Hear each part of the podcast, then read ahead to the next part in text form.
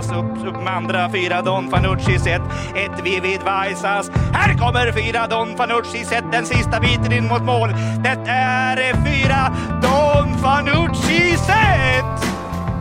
Ja, så där lät det när Don Fanucci Zet eh, satte nosen först och vann årets Elitlopp. Eh, ni ska vara varmt välkomna till veckans podcast. Jag heter Andreas Henriksson, jag har med mig P.A. Johansson och Lukas Berggren. Vi är tre gubbar i podden den här veckan. Ja, Lukas, eh, har du hunnit smälta Elitloppet?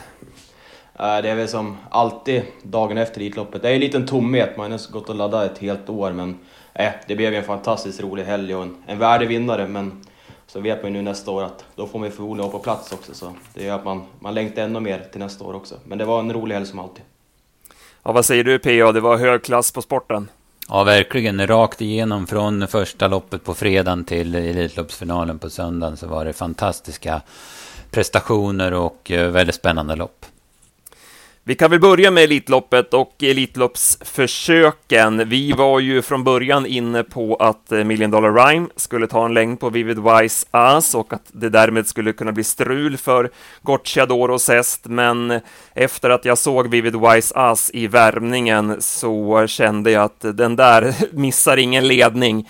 Han körde alltså 7,5 i 400 meter Gocciadoro och han såg perfekt ut. Han var så fräsch och fin och ruskigt i ordning.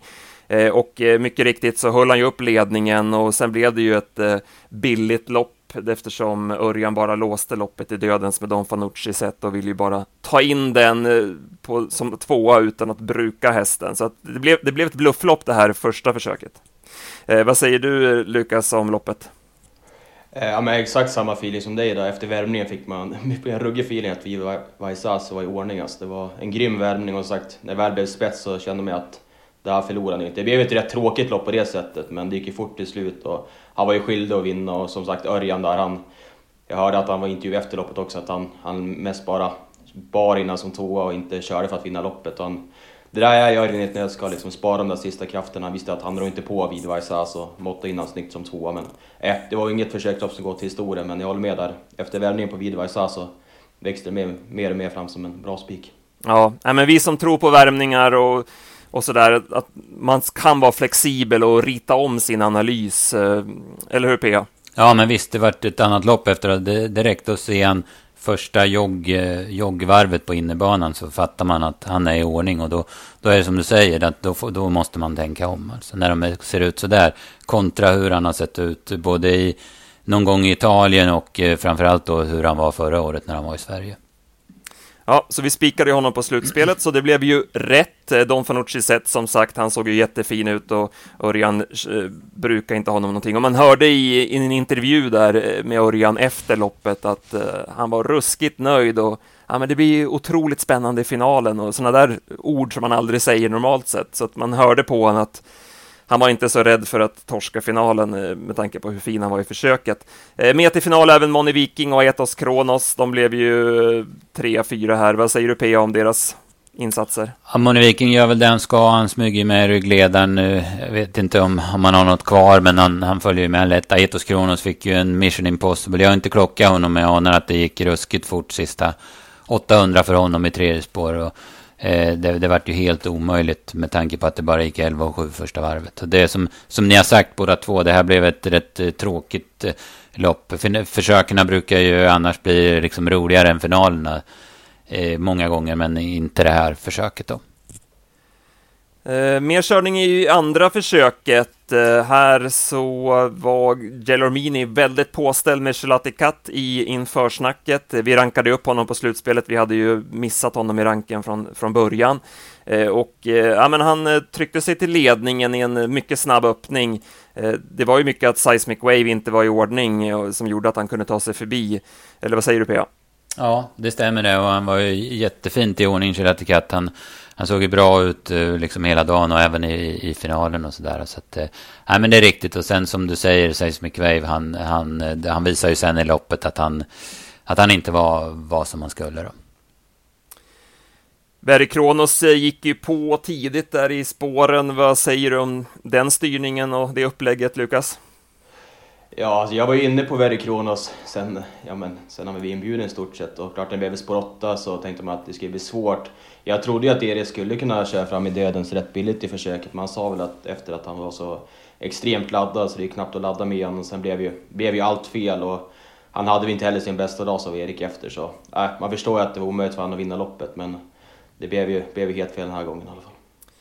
Så det blev Katt från start till mål eh, före Ecuride som studsade tillbaka och gjorde ett bra lopp som tvåa från dödens. Sen eh, intrycket i loppet var ju på Gareth Boko. Han eh, flög ju fram som trea efter en klok styrning av Mats e. Djuse som även körde smart sen i finalen, men vi kan återkomma till det.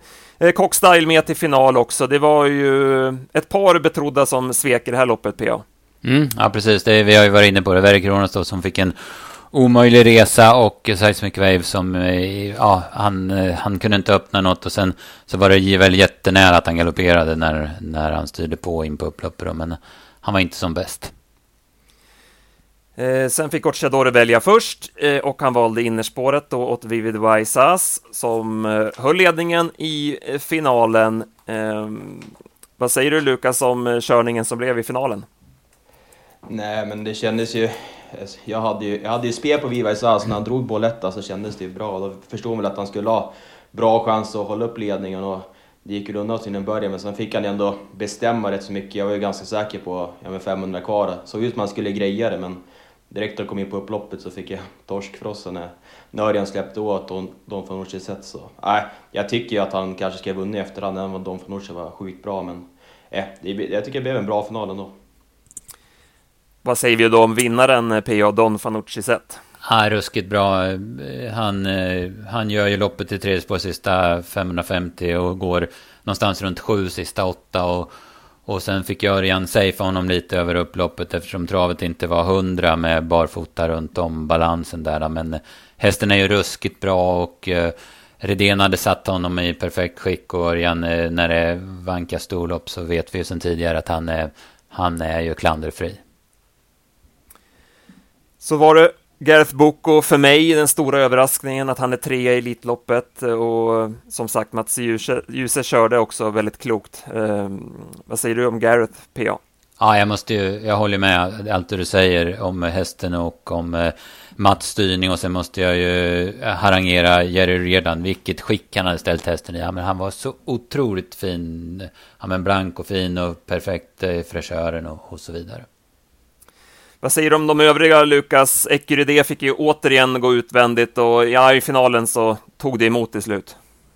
Ja, men exakt. Det var väl lite om man skulle klara två hit på förhand och ja, att han fick dödens både i försök och final. Det kan nog satt sig lite på skallen ändå. Han, han stannade rejält till slut. Jag tycker Moni Viking gick bra i skymundan och ja, Aetos Kronos blev ju allt fel också. Magnus gav ju upp loppet där, ja, men 900 kvar när han insåg att han inte skulle kunna komma fram utan att hänga i tredje spår så han, han var ju borta då i alla fall. Men eh, jag håller också med där med Gareth Book och Mats Djuse. Det var jäkla, både i försöket och finalen, att han väljer tredje invändigt. Han satt ju sist i försöket och gick tredje invändigt istället för sån som Kenneth Haugst eller någon hade kunnat ta den positionen istället. Och jag läste också där i en intervju efter att de hade intervjuat bröderna Djuse och sa ju Mats att hans favoritposition om han inte fäller ledningen är tredje invändigt. Och just Ljus hade sagt att Mats, eller Magnus, att dödens var hans favoritposition. Så ja, det lönar sig att ta tredje invändigt med man som är lite mindre betrodd och chansa. Det gav betalt den här gången i alla fall. Mm. Vi kan väl eh, pausa helgen lite grann och återkomma till den lite senare. Vi har ju lite andra punkter i podden, bland annat eh, veckans snabba, där vi sveper över veckan som har varit. Eh, PA, du har knackat veckans snabba. Kör! Jamen, jamen, förra veckan sparkades igång på Årjäng då. Stenströmer tog en tränardubbel. Stella Nova Race vann lätt från spets och Milkava vann spetsstriden, vilket förmodligen avgjorde loppet. Kuskdubbel till Lövdal, Andreas, som agerade lånekusk den här kvällen. Sen var vi på Axvall där han, på tisdagen där han som bredd vann första årsegen. Det såg bra ut men sa inte så mycket. Subile Tinter tog en snygg, snygg dubbel med Climber och eh, framförallt Hooper de Chasse som övertygade stort. Så gillar jag inställningen på Excellent Diamond som vann andra raka. Han fick en tung resa och han travade inte perfekt men han kontrade till seger. Sen i onsdags på V86 Jägers och eh, Bergsåker från Jägers tar jag med mig Lille Juveraj som var jättefin från utvändigt ledande och i samma lopp noterar jag att Newport Beach vinner nästa gång med bättre läge. Young, Young King var pigg och rejäl i debuten för Linderoth. Eh, och i några utav de andra loppen på Jäger så raceades det rejält. Utanför V86 gjorde Hellbent for M comeback. Han joggade nio sista åtta och var vid en odramatisk spetsseger. Sen från Boden i torsdags så eh, fick Selmerio till det. Han vann joggandes. Det var ett prov utan värde, men han var fin. Men där, och jag förstår också Niklas Westerholm att han var frustrerad där bakom då han inte fick chansen att bli tvåa. I övrigt var det flera fina vinnare i Boden, men det var stor klassblandning i loppen, så det sa inte så mycket. Från Solvalla i fredags eh, så kan vi konstatera att Borups Victory och Odd Nodin var häftiga. Odd Nodin där i Kallbrodens speedrace, han var ju ruggigt fin. På Hagmyren i fredags kväll så var det bra sport. Det kom ju lite i skymundan eh, den här kvällen. Men Lawmaker var bara bäst och det var ju eh, jättebra för vår del då. Så gillar jag Steinfax skarpt. Den var riktigt bra och Techno Viking såg läcker ut vid bombsäker spetsvinst. Derbyvinnaren Havglimt tycker jag också svarar för en bra årsdebut. Eh, in, innan V75 i lördag så vann ju MT Insider Speedracet och det går inte annat än att ryckas med i Ola Alséns känslostorm efter seger. Sorovins prestation var också något alldeles extra, där var det i ordningställt. Och i söndags så vann eh, Love You Too sto, eh, som storskräll i British Course och Dreambreaker Breaker gick världsrekord utvändigt ledande i Monté-eliten. Ja, så var det. Många eh, ruggiga prestationer där i ramloppen också eh, under helgen. Eh, jag tänker en Zorro Win där, den ska ju ut på V75 på lördag och lär bli stor favorit efter den där övertygande insatsen. Eh, han hade ställt i ordning hästarna Gocciadoro, eller vad säger du Lukas? Ja, men verkligen. Han hade ju en, en grimmel. Det var ju, om det var tre år sedan han hade såna helger, han var, vann med allting och det var väl nästan liknande nu. Han kom ju med hästarna i extremt fin författning också. De är ju det är ju läckra, man sitter och kollar upp dem i italienska lopparkivet innan de kommer hit och har fem raka, det är svårt att sätta in dem men det känns som att alla hans hästar är sjukt fina travare och de står för bra prestationer hela tiden också. Så. Och han som kust tycker jag är övertygad också, han gjorde många bra kuskinsatser och sagt det var offensivt och det var ju ganska lugnt med drivningarna från hans del den här helgen också så nej, Gocciador får en del plus i min bok i alla fall. Mm. Jag, ty jag, tycker det är rätt häftigt där när man kollar de italienska lopparkiven. Många av de andra hästarna de ser ut som små råttor och hans hästar de ser ut som, som typ elefanter. Men de ser ut som de är en annan ras än, än de de möter där, där nere. Ja, jag håller med verkligen. Och, eh, det är ju samma de här som hade något på V4, att de kommer och var det hur bra som helst i Italien och sen är de minst lika bra här. Det, eh, det är kul. Ja, han tränar ju hästarna i djupsand. Det är ju som ja, men Daniel Redén-träning. De blir ju väldigt starka och, och rejäla.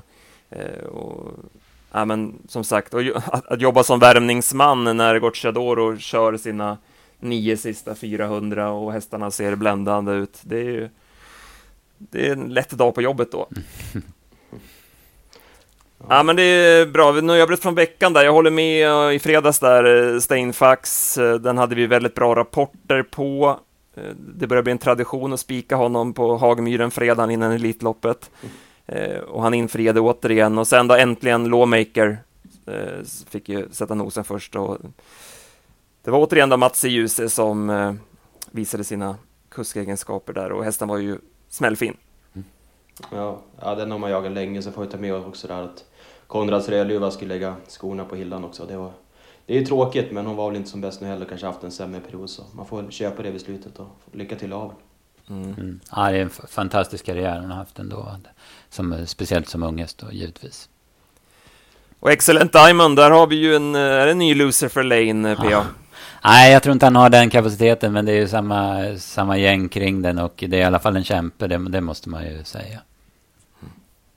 Ja, vi behöver inte bli så långa kring förra veckan. Eh, men vi går väl på veckans tävling då. Vi hade ju ett par tävlingar igång eh, förra veckan. Eh, dels att man skulle gissa Elitloppsvinnaren och till vilket odds. Vi fick många bidrag där, eh, runt 100 stycken, så det var riktigt kul eh, att det var så många som ville vara med och tävla. Jag ska kolla upp sen vem som var närmast oddsmässigt. Det var ju några som gissade på Don Fanucci sätt som hade klart för sig. Eh, den som gissade närmast odds där då, eh, vinner. Men jag återkommer, jag hör av mig till er eh, som har vunnit där. Eh, sen hade vi en tävling till, eh, Lukas, som du höll i. Det var Queerfish du jagade, va? Ja, men exakt. Det var ju tävlingen i förra veckan. Det var Queerfish, Queerfish som var rätt svar. fick in ja, med väldigt många rätta svar och så var det två vinnare där som presenterades. Så jag har varit i kontakt med dem och har fått sina priser också. Så, äh, det var kul att det var sånt engagemang i den tävlingen i alla fall och att det var många som hade rätt. Mm, jättekul. Och eh, vi får hoppas att det blir lika stort engagemang kring veckans tävling då, PA, som du håller i. Mm, precis. Eh, det är en häst jag söker. Jag delar upp det som vanligt i tre ledtrådar. Här är ledtråd 1. Eh, vann ett eh, V75-lopp för sin tränare vintern 2010, men det var mycket oftare hästens ägare som satt i sulkin. Ägaren var tidigare framgångsrik tränare och kusk, men vid den här tidpunkten hade han trappat ner rejält. Mm. Svårt. Ja, den var nog inte, den tar man nog inte direkt. Hopp, tror jag inte, men vi får se om det löser sig sen. Ja, ja, mycket bra. Eh, ska vi eh, ta ner helgen lite mer då? Vi har pratat Elitloppet, men det var inte bara Elitloppet som avgjordes. Ehm, ska vi gå in lite närmare på lördagen och V75-loppen där? Eh, det började med Arquana As som eh, vann i V75 1. Eh, Erik Adielsson höll henne på rätt köl över upploppet trots att hon återigen tappade travet då, lite grann till slut. Nu var det ju värre än gången innan. Ehm, men eh, han höll henne felfri över linjen och eh, sen galopperade hon efter mål. Men eh, ja, snyggt av Erik och hästen kämpade ju också. Eh, vad säger du P om det här loppet? Eh, du var ju lite inne på Georgia Am och var väl en besvikelse va? Ja, det måste jag säga. Det, man fick den feelingen redan i, i eh, volten innan första omstarten när hon ruskade så väldigt med huvudet och var stökig. Att det, det inte var som det skulle. Men sen fick man ju henne till ledningen och då fick jag i alla fall jag Poppe lite grann. Men, men det syntes ju 500 kvar att det var tomt i tanken. Eh, ja, Arquanas är en bra häst och en jättefin kuskprestation av Erik. Framförallt, han bjöd henne ett väldigt bra lopp och framförallt så, så hålla henne i trav och samtidigt köra på henne. Det var snyggt. Annars så var väl prestationen eh, eh ja, men som drog blickarna till sig var väl Avas ruggiga sista 800 där hon drog fram vinnaren. Ja, Lukas, vad säger du eh, om det här loppet? Nej, men jag har väl sagt det mesta. Jag håller med också med Erik Adielsson, Marquana, så är det inne lite i Stena Bumåker också att hon följer ju travet lite till slut och det var täta starter vilket var ett litet frågetecken. Man har inte behandlat henne efter senast heller så ja, hon var ju nära att gå eh, galoppera hela upploppet var känslan i alla fall. Men det var, det var snyggt och ett häftigt lopp. Det var många som möttes på linjen, även sådana som Ultra Bright som jag trodde var chanslös att ta 40. Hon var ju ändå med dem och gjorde en ruskig prestation också. Så nej, det var ett roligt lopp som inledde V75-spelet. Mm, jag såg att Ultra Bright var högt upp där på ATG X-Labs snabbast sista 200 under tävlingsdagen. Hon gick eh, ruggigt bra som du säger, men hade ju en för svår uppgift. Ehm, Joyful Tricks var ju väldigt stressad i volten i omstarter och det blev ju också galopp där för hennes del. Ehm, Ja, vi kan väl lämna det loppet. Eh, vi går vidare till V75 2. Eh, Rotate fortsätter att imponera. Nu såg han ju bättre ut än någonsin. Vann på 11,5 efter att ha fått överta ledningen från Astrona Cente Sack. Eh, det här loppet snackade vi, vi tre om i vår Facebook-sändning i fredags och vi nämnde ju att tvillingspelet här med stallkompisarna var ett bra spel och den satt också till 25 gånger pengarna. Ja, eh, ruskigt bra odds. Eh, verkligen. Så att, och det var ju, ja, det var ju alternativ två, eller scenario två i vårt resonemang där vi var väl lite inne på att Dildan Sett skulle hålla upp ledningen, men han var ju Ja, men han var ju ganska seg, han var ju inte bra alls. Så, att, så det fanns ju inte på kartan att han skulle svara ut Astrona Centesac. Nej, exakt. Och, ja, men Rotate är bara att fortsätta att imponeras. Vi pratade lite grann om det, att det här blir nog en sån eh, favorit som många lirare kommer att gå emot. Och han gick också ner lite grann på procenten, eh, blev favorit, men det var ganska knappt mot Dildan sätt. Eh, så att, ja, så var det. Vad säger vi bakom då? Du nämnde Dildan sätt var sämre där. Powerblaster kördes ju offensivt. Vad tycker du Lukas om hans prestation? Nej, jag tycker den var ändå rätt bra. Han fick ju en tuff, en tuff resa och en sån som Cash Cowboy som var trea gjorde det bra från ett omöjligt läge. Vi var inne lite där på Mandela zon också men han fick det inte att fungera alls barfota och galopperade väl dubbelt om jag inte minns fel så han hade inte sin bästa dag men nej, Rotate, jag håller med, det var, det var bättre än jag trodde i alla fall. Och det är grym utveckling. Man hade svårt att spika han i ett lunchlopp för några månader sedan. Nu vinner han V75 varje vecka i stort sett. Så, nej, häftig utveckling. V75 sedan, silverfinalen och här var det en uppvisning av Jaguar Dream som vann på 11 blankt utvändigt om Cab Lane. Det var en svettig insats PA. Ja, verkligen. Det var eh, bland helgens häftigare intryck tycker jag. Där ungefär 350-400 kvar när han slog klorna i Cab Lane. Och man fattar att han kommer kunna vinna med 20 meter om man vill, Claes Sjöström. Jäklar vad han är bra, Jaguar Dream, när man rycker skorna alltså. Mm, och Claes har ju haft det här loppet i sikte såklart. Ända sedan Mantorp-starten och Ja, men pricka formen perfekt och får han bara hålla ihop här nu så kommer han ju duga även i gulddivisionen, det är inget snack om det. Eh, Cab Lane, vad tycker du där Lukas? Han är trea från spets. Ja, han fick det väl som han ville där Per ändå med rätt så billig ledning och klart det blev ju lite tempo med Jaguar Dream utvändigt men ja, man tycker att han borde varit lite närmare mål. Men jag håller med där som P.A. sa, det var, det var häftigt när Klas låg nästan raklång 350 kvar och man såg att han fick ett huvudövertag där och bara stack undan så. Äh, Cab Lane var väl, var väl godkänd, han mötte väl en som var för bra helt enkelt. Mm. Han mötte en bättre och modigare häst över upploppet. Mm. Eh, Balotelli Crown, eh, den hade ju du lite sådär småskräll-feeling för P det var inte alls dumt. Han spurtade in som tvåa. Mm, ja, precis. Han eh, visar, eh, eller befäster ju den form han har visat och den här gången klaffade det ju hundraprocentigt. Det var ju bara synd för, för min spelbok så att säga att han mötte Jaguar Dream. Annars hade det ju varit kul. Va? Men, ja, men så är det. Eh, jag måste ge ja, men en stor eloge till Claes Sjöström. Det är, det är ingen lek att sätta en, ja, men ha två månader på sig och, och få till formen. Det är ju ett skitsnyggt tränarjobb av honom alltså. att ha Jaguar Dream i den här författningen. Mm. Det var en häst jag tänkte på bakom där som var, var mindre bara. Det var Vikens Haj som slutade långt efter ja, med vinnarna i mål och var ju sämre senast också så jag vet inte om det är något som är fel i alla fall men det är två prestationer i rad nu som har varit sämre än man förväntat sig i alla fall. Sen gick vi rakt ut på Halo Am, Eh, även efter strykning på Bravo Sabotage eftersom vi tänkte att han eh, kommer till ledningen och eh, vinner det där loppet och han, han fick ju också bestämma i spets. Det såg ju väldigt bra ut för hans del. Gogobet Sisu inte oväntat gjorde bort sig med galopp. Men sen, och sen satt ju Venture Capital kvar i andra utvändigt var det va? Eh, och i det låga tempot, så då kändes det ju perfekt för Halo. Men sen går ju Jörgen Westholm med Koenka och då inser Nimczyk att han också måste gå. Och eh, det är, som jag skrev till dig PA efter loppet, att det är nog Westholm som vinner loppet åt Nimczyk. Eh, att han liksom väcker honom på att han måste gå fram. Mm. Jag håller med. Men, det är en tanks det där Venture Capital. Han var ruggigt bra också. Ja, precis. Eh, jag håller med om det du säger med. Jag noter, eller sa det också när det hände att fasiken, nu skickar Westholm iväg honom. Sen eh, Halo M, ja, jag måste väl säga att man är ganska nöjd att man har spikat ändå. Det låter ju helt idiotiskt när den torskar, men, men det blev ju precis som man hade tänkt och hästen gör ju ett helt okej okay lopp också. Han går 9,5 sista åtta. Det är bara det att han möter en häst som är mycket bättre.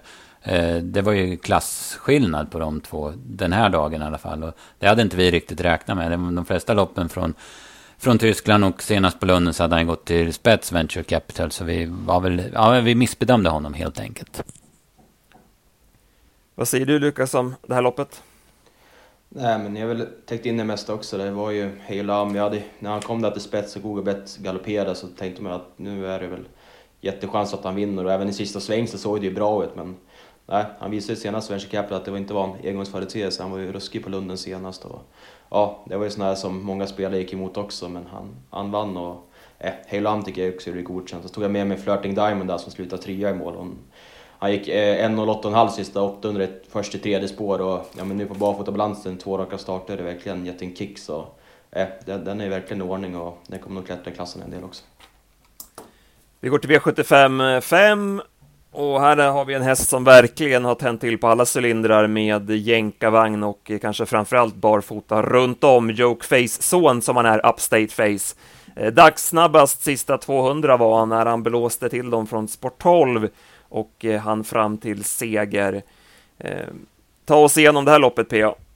Ja, det vart ju... Eh, Oxidizer öppnade ju bättre än förväntat och eh, tryckte sig till ledningen och eh, det var väldigt tuff körning första halvvarvet. 6,5 strax under där första 500. Sen, sen blev det lite lugnare och eh, sen går Easy Cash först och får med sig Eddie West och Upstate Face. Och, ja, men det var ju långt fram, men man såg att Adrian hade väldigt mycket att åka med i sista sväng. Och den här öppningen på täthästarna då tog ut sin rätt eh, sista biten. Så att han, han slog sig förbi och gjorde en av eh, ja, men helgens bättre prestationer. Jag hade, du, du sa ju upploppet där och jag hade sju och en halv sista åtta på honom i spåren. Det, det är ju ruskigt bra helt enkelt. Lukas, hade du någonting från det här loppet? Nej, men det blev ju en snackis där på lördagen efter strykningen där på Per Ubom och Tord Sofinski nå ledningen. Mycket spel hamnade ju på på slutet, men han blev ju av med spets, då kändes han ju kall och Oxerizer fick en tuff inledning men kallnade väl riktigt till slut också. Hade vi kanske inte sin bästa dag, men prestationen var godkänd. Men nej, alla de där som var tre, tre första mål var ju bra insatser då. Upside Face, det var, nej, det var också ett häftigt upplopp när de kom tre på bredd där och nej, han var ruskigt bra. Vi går till stoeliten och Eh, en av dagens, ja, kanske till och med den bästa värmningen, stod Billy de Montfort för. Eh, man körde till där runt 700-800 kvar och hon fick sträcka ut på bortre långsidan och jäklar vilket intryck på henne. Alltså hon är 10 år, hon har gjort, det, det här var 125 starten och att vara i sånt skick alltså, det är ju ett jäkla tränarjobb och vilken märr. Nej, hon såg bländande ut, så att vi eh, tänkte om här från att vi var först inne på double exposure till att Billy de Montfort skulle vinna loppet. Och Jelomini var också tydlig med inför snacket på stallbacken att han skulle köra i ledningen, så att vi gick ju på henne på slutspelet i dagens dubbel. Och hon vann också loppet från eh, spets på nio och en halv, men man eh, fick titta på upploppet här, eh, domarna, Eh, Eh, då hon bröt ut eh, på upploppet. Vad säger du Lukas? Dels om insatsen och eh, dels om upploppssituationen. Skulle hon ha flyttats ner eller var det korrekt att fria? Ja, det, så det insatsen och hästen, den, den är två man älskar verkligen. Hon ser ju ruskigt läcker ut. Ja, ja med upploppet där, det, det var inget jag tänkte på direkt och sen fick man se om bilderna igen. Alltså, det, är, det är många spår hon bryter ut alltså. Så, Ja, jag vet inte. Det känns som att han fick ändå köra på sin häst hela tiden, Mika Fors. Det var inte så att de hade kontakt någon gång, men det är klart han blir ju lite störd. Jag vet ju inte om han tar sig förbi ändå, men det är klart att det, det är ju tveksamt. Det hade lika gärna kunnat vara att de hade flyttat ner som inte nästan. Det kändes lite 50-50, men ja, det kanske var rätt ändå. Jag tror att hon, hon vinner ändå. Så det, var, det var som aldrig någon fara egentligen, ingen kontakt som det kanske var i Elitloppsförsöket där på söndagen. Men ja, det är klart, det, var, det blev ju en snackis i alla fall, men insatsen och hästen, det, det var bra. Ja, vi ska, vi ska inte prata för mycket om domslut, vi har, vi har tjatat mycket om det. Och den här helgen så de flesta skötte sig väldigt bra, det var inga eh, yviga drivningar och, och, så vidare och man körde schysst i loppen, så det var ju riktigt kul att se. Men vi kan väl bara, P.A. du kan väl ge din syn också på det, dels eh, eh här då och sen även Gelorminis i eh, Elitloppsförsöket då mot Ekeride. Ja, men det man kan notera är Billy de bryter väl ut minst två spår. Eh, sen är det ju som, som alla är inne på, och Lukas säger, att eh, Mika Fors kan ju köra på Heaven Book, och, men han måste ju samtidigt flytta ut henne. Sen är det ju en fråga som jag inte vet om man tar hänsyn till när man dömer. Det är ju, vad hade hänt om eh, Gelormini hade ja, men, gett sig fanken på att hålla kvar henne på innerspår? Hur mycket måste han bråka med henne då? Och hur mycket tappar hon fart på det? Jag säger inte att man ska, att, eh, att man ska byta Eh, Eh, placering, att man ska göra en nedflyttning. Men, men eh, jag undrar om man tänker på det. Och det var ju samma sak i, i Elitloppsförsöket där med Chelati Katt som hela loppet igenom ville ut ett spår. Va? Så att, ähm, äh, det där är ju, och sen är det ju det där med vad, vad, ehm, vad det ja, påverkade resultatet. Alltså det är ju jäkligt svårt att bedöma. Men man noterar ju direkt att hon bröt ut jättemycket och sen samma med Katte. Och där var det dessutom kontakt. Men där tror jag att kontakten var så himla sent i loppet så det hade ingen betydelse för, för utgången. Hevin Boko, överraskande positiv tycker jag som tvåa. Eh, double exposure trea. Vad säger du om hennes prestation, Lukas? Nej, men jag tycker den var, alltså, den var, den var ändå bra. Hon gick ju Alltså, jag vet inte, man kan ju inte begära så mycket mer. Jag vet att Redén sa väl efter att hon var nöjd med insatsen också. Det är svårt att, svårt att vinna det utvändigt. Så jag tycker hon var bra, men det var, det var ändå en bit fram till ettan och tvåan i mål. Så. Hon är fortfarande lite seg kanske. Hon lär ju gå framåt med loppen i kroppen. Hon lär ju siktas mot de större loppen i år också, så hon kommer säkert komma igång ännu mer. Men klart, det var kanske lite segt igen. Sen avslutar vi med Harper Hanovers lopp och här fick vi ett eh, världsrekord för ston. Wild Love som eh, blåste runt allting. En överraskande vinnare för oss, även för spelarna. Hon var bara spelad på 2% av insatserna. Men Anders Lindqvist, han hade klart för sig. Han lämnade klart på henne hela veckan. Och, nej, hon var ruggigt bra, eller vad säger du PA? Ja, hon är ju skithäftig. Alltså det, Eh, kanske ännu bättre än vad vi har sett henne några gånger. Hon har ju tjusat oss många gånger, men inte på Solvalla. Det, det, även om hon, om hon hade bytt regi och kom från, upp från Frankrike nu så, så var jag skeptisk till om hon skulle funka på Solvalla. Men, men med de här andra rutinerna så, så, så var det inga problem. Och fick ju ett bra lopp. Kevin Oskarsson serverade henne ett eh, kanon eh, lopp i rygg på Hoso och eh, ja, men hon var häftig. Alltså under, en bit under tio sista tusen på henne i ett 3 och 1 lopp. Och, och som du säger, hon går världsrekord ja, men det, det är läckert i alla fall. Eh, vi hade ju mycket, vi spelade mycket dubbel med Who's Who här och ja, men det såg väl bra ut åt honom en längre tid, men han kunde inte stå emot Wild Love, fick nöja sig med andra platsen. Vad säger vi i övrigt då? Maestro Crow drog på en jämn eh, 13-fart i ledningen. Eh, jag hade ju feeling för Born Unicorn. Jag tyckte det såg bra ut åt honom. Han kunde ju gå ut utvändigt ledaren där ungefär varvet kvar, hade inte behövt bruka någonting, men nej, han var bara tråkig över upploppet och så här var det ju. Redéns hästar här under lördagen, de underpresterade ju och eh, det gjorde ju även då Born Unicorn. Maestro Crow, han gav sig helt på upploppet och ja, Pierre Verkryss då, vad säger du där PO? Han hamnade invändigt där efter ett tag med, med Jerry Mom. Det vart lite fel där va? Han eh, blir ju på något vis eh, fintad där utav de, av att de kör på innerspår. Örjan framförallt då med Who's och så, går, så har han ju alltså Kevin bakom sig. Och sen när Örjan går ut, då är inte han med på den situationen. Utan då hinner Kevin täcka upp och ta den positionen som han hade kunnat haft. Och då då undrar man ju hur det går om Jerry Mam sitter i rygg på Husso. För han skötte till rätt så bra när han fick lucka där. Och det är väl inte hans... Även om han har speedat bra på Vincennes så är det väl inte hans bästa att liksom gå 200 meter. Utan, nej, det varit lite fel för, för kryss. Han var inte med på den, på den positionsändringen på första långsidan. Nej, han, han förlorar väl loppet på det, eller vad tror du mm. Lukas? Han vinner, han vinner väl annars om han...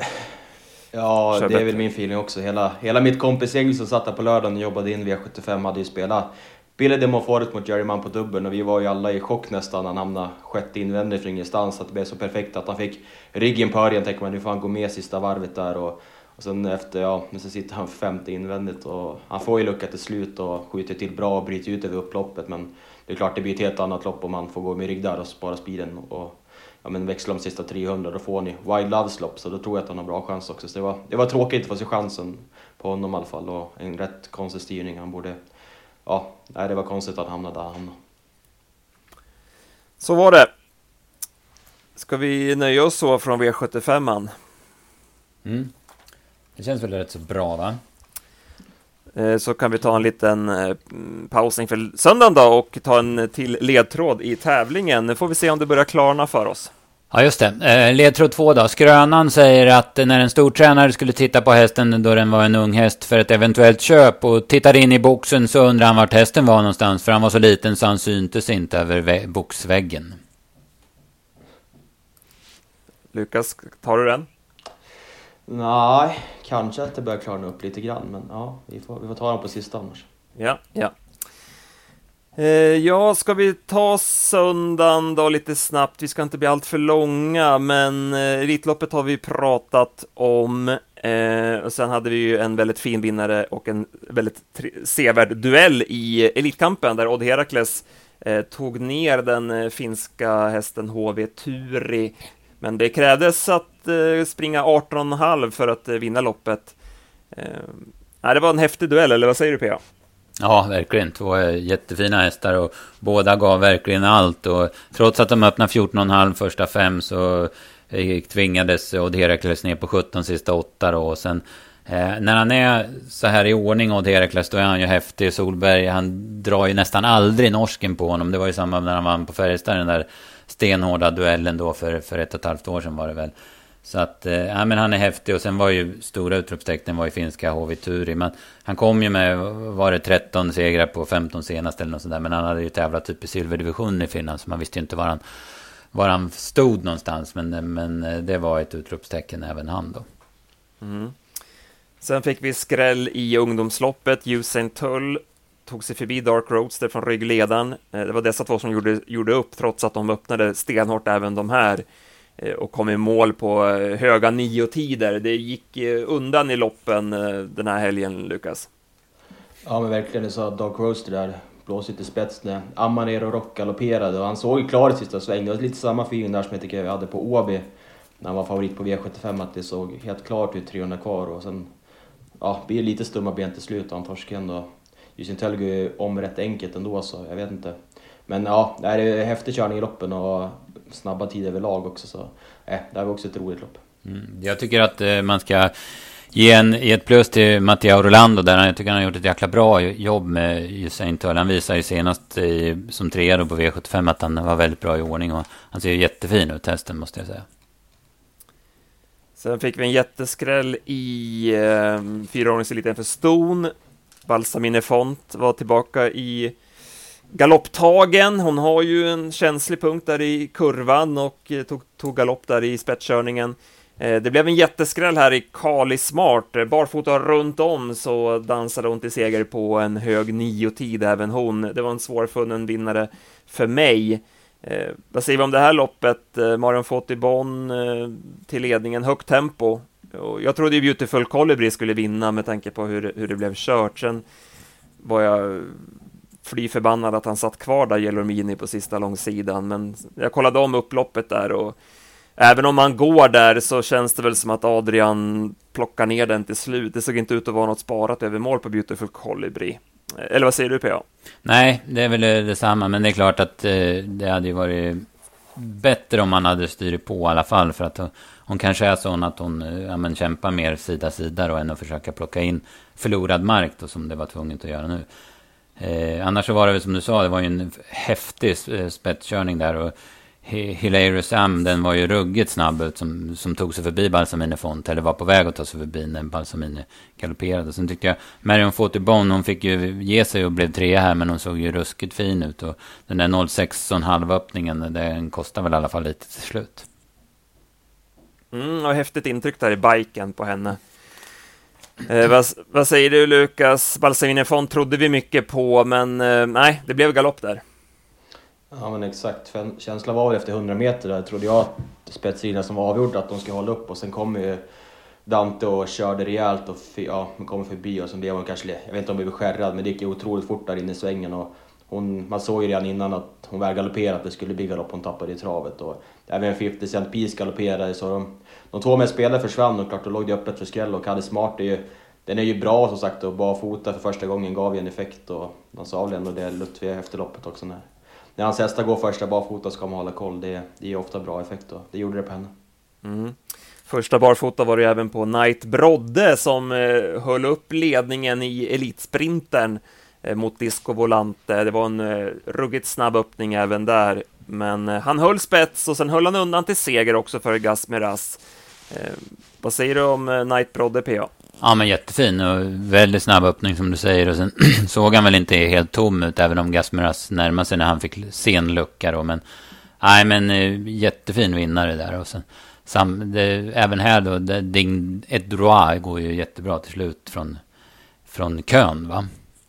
Mm, ja, den såg ju häftig ut, absolut apropå Gocciadoro så var väl Zakaria Bar var väl den som, till skillnad från de andra, eh, såg tråkig ut i värmningen. Eh, den såg oinspirerad ut. Eh, gick ju en repa men stumnade till slut, så det var väl en sån där som man tappade lite känsla för efter, efter den värmningen. Disco Volante blev ju galopp där i första sväng. Man provade ju ett norskt huvudlag, men man fick ju då ingen syn på hur, hur det hade kunnat fallit ut då.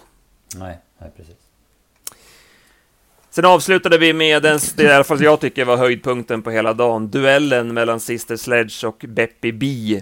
Eh, jag såg ju Beppi B i ett snabbjobb tillsammans med Vernissage Griff här för ett par veckor sedan och skrev till er att ja, men nu har vi i alla fall spiken klar i fyraåringseliten. En jäkla häst alltså. Mm. Eh, sen kom ju spårlottningen och sen såg man att Sister Sledge hamnade i det här loppet och då tänkte man ju att ja, men den den blir såklart tuff att slå och eh, men man hade ändå hopp om Beppe B eh, och han gjorde ju också ett ruskigt lopp. Han, Gocciadoro, han skickade på i tredje direkt och synade dödens i ett våldsamt tempo. Och sen var det duell dessa två emellan där Sister Sledge höll undan. Äh, det här var två ruggiga hästar, eller vad säger du Lukas? Ja, verkligen. Jag håller med dig. Det var nästan höjdpunkten på, på hela helgen. Det var ett ruskigt läckert lopp och det var, det var påstöt från Gocciadoro. Han skulle bara fram. Det var fast det var folk i vägen, han bara ställde på i tredje och fjärde och skulle syna döden så sagt, jag trodde mycket på honom inför Värmo senast, så hade vi blivit jätteimponerade i Italien av insatserna Han vann Orge Magnelli bland annat och sådär. Så det var inte helt fel att spika honom senast mot Power Blaster av det här gänget ändå. Han, han, han är rätt bra och det var en grym insats nu också. Och Sister Sledge där var hela veckan. Det var ju bra snack på henne. Det låter som att det är en ny Elitloppshäst från, från Daniel Edéns stall också. Så ja, det här kanske är två hästar vi får se i Elitloppet nästa år. Inte helt omöjligt. Nej, Nej Sister Sledge, vilken jäkla fin häst. Och så visar, hon visade inställning också när hon höll undan för Beppy B. Eh, vad säger du P om den här duellen? Ja, skithäftigt alltså. Det, som du säger, det, det, Beppy B går ju utvändigt och han är ju han är ju minst lika bra, men hon är i alla fall ett sto och sen eh, som, som, som krigar sig till seger. Det såg ju nästan ut som om Gocciadores häst var en starkare 200 kvar. Men, men hon krigade ju verkligen och det var ju stenhårt tempo, 8-8 första varvet så kommer de hem på 9 och 1. Det var, ja, det var häftigt. Ja, det var en ruggigt häftig avslutning på eh, V75 där på söndagen. Vi, eh, ja, men vi nosade lite grann på slutspelet. Vi fick sex rätt där, men lyckades inte knyta ihop eh, säcken. Eh, spikade Vivid Wise Ass, men ja, räckte inte hela vägen och det vart ju mm, väldigt hög utdelning, 330 000 ungefär på sju rätt där. Det var ju hög utdelning även på lördagen, så att det, både sportsligt och spelmässigt så var det ju två riktigt fina omgångar. Mm, man kan väl säga att det var, det var skrällarna verkligen som styrde utdelningen. Det var ju en del tunga favoriter som vann båda dagarna, men, men ändå blev så här hög utdelning. Så att, eh, man får, le, man får eh, alltså leta och hitta där man behöver sträcka på. Så är man på god väg. Mm. Ja, nej, jag måste säga det. Det var en jäkligt fin eh, Elitloppshelg. Riktigt kul att vara på plats. Det var ju strålande väder och väldigt fin sport. Och som jag nämnde tidigare, jag tyckte att det kördes schysst i loppen också. Vi, förutom de här, eh, ja, att någon hästar bröt ut på upploppet och det så slapp vi i alla fall några skandaler som vi tyvärr har haft en del på slutet. Jaha, ska vi gå vidare? Ska vi ta sista ledtråden i tävlingen eh, innan vi börjar kolla på vad som händer i veckan? Just det. Eh, ja, hästen när jag söker då blev en stor profilhäst inom V75 då han, då han, där han startar i stort sett varje vecka. Han var inte minst eh, en profilhäst för en välkänd tv-personlighet och han gick även hem ut i stugorna trots att han inte vann så ofta. Mm. Och om man vet svaret, då ska man mejla in va? kundtjänst.travtjänsten.se eller eh, via någon av våra sociala kanaler så kan man vara med och slåss då om 300 krediter att köpa tips för på travtjänsten.se. Väljer vi ut en vinnare och meddelar på måndag då. Yep. Eh, vad säger vi om veckan som kommer? Vi har V86 eh, Åmål. Det känns lite sådär sjukt nu att börja kolla på sådana här lopp efter helgen, men mm. det är bara tillbaka till verkligheten. Eh, har ni kollat någonting på listorna till Åmål? Ja, jag har eh, gjort en del av jobbet här på morgonen. Va? Och eh, jag kan ju säga att det ser ganska stökigt ut eh, i flera av loppen. Jag hade en spaning där i V86.6. Det anar jag att eh, nummer tre Final Whistle blir ganska hårt betrodd. Han har ju Fyra segrar och två andra på sju starter. Det är en väldigt... Eh, ja, men han kämpar och han gör sitt bästa i alla lägen och är anmäld barfota runt om så jag anar att han blir hårt betrodd. Men eh, han dras med aktionsproblem. Det ska bli spännande att se dels om det blir bättre med barfota, det misstänker man ju. Men sen på Åmåls bana som är, som är väldigt speciell. Det är ju det är långa och fina kurvor och sådär. Men det är ju inga raker så att det är typ bara svängar där. Så vi får se hur Final Whistle funkar på, på Åmål. Mm. Ja. ja, utan att vi har snackat ihop oss innan så hade jag faktiskt exam, exakt samma tanke den här som jag har följt lite också haft. Haft lite svårt för, det känns att man har haft grova aktionsproblem och äh, det är som du säger där med den här banan också. Det känns som en favorit i fara och ja, jag tror jag ska tippa det här loppet också. Det känns som att det fanns några roliga bakom så det är väl absolut en favorit man kan tänka sig att fälla i alla fall. Så vi fick, vi fick med oss ett avslag alltså istället ja. för ett drag den här veckan. Ja, det, det är ju, det nej, det är kanske minst, minst lika viktigt. Exakt. Nej men annars så var det väl stökiga lopp. Det var fulla fält i alla fall och som sagt nu börjar det här sommar V86 att de på en bana så det är väl 1920 som är spelstopp nu också kan man ha med sig i alla fall. Så nej, en stökig omgång. Mm. Och jag ska dit och sola på Åmål och göra jobbet med värmningar och så vidare. Så att, eh, det blir kul. Ja, det. Mm. Härligt. Eh, sen har vi ju V75 Mantorp. Även dit ska du PA och göra Jajamän. slutspel och värmningar. Jajamän. Fullt upp i veckan. Ja, Eskils på tisdag också, så det blir en travvecka. Det blir ju så när man inte fick åka på Elitloppet, får man ta det här istället. Exakt. Och du fick fina hästar till Mantorp. Ja, Ina Skottsära ser ju jätteintressant ut med eh, finska kriterievinnaren Sahara J-Burn i årsdebut. Det ska bli roligt att se honom mot de här hästarna. Men sen har vi ju Sundbergs Selected News, Nordströms Önas Prins som bara radar upp segrar och så Mr Hercules från bakspår den här gången då. Mr Macam på rätt kan han hålla upp så är han ju inte helt lätt att slå heller va. Så nämnde vi Zorro Wind eh, som blir en blir stor favorit i V75 5 efter den imponerade insatsen här i, i helgen. Mm. Ja, verkligen. Ja, det, var, det var roliga lopp. Jag snackade lite där med Marcus Lindgren som drogs på S2 där med Stoller Show. De var ju extremt nöjd med honom senast på Umeåker. Han hade säkert kunnat, kunnat vunnit med lite kraft om han testade ett halvstängt huvudlag för första gången, vilket gav ett bra effekt. Så eh, jag vet att han såg positivt på den här uppgiften i alla fall. Det blev bra läge och häst i form i alla fall och ganska lämpligt emot så det ska man ha med sig.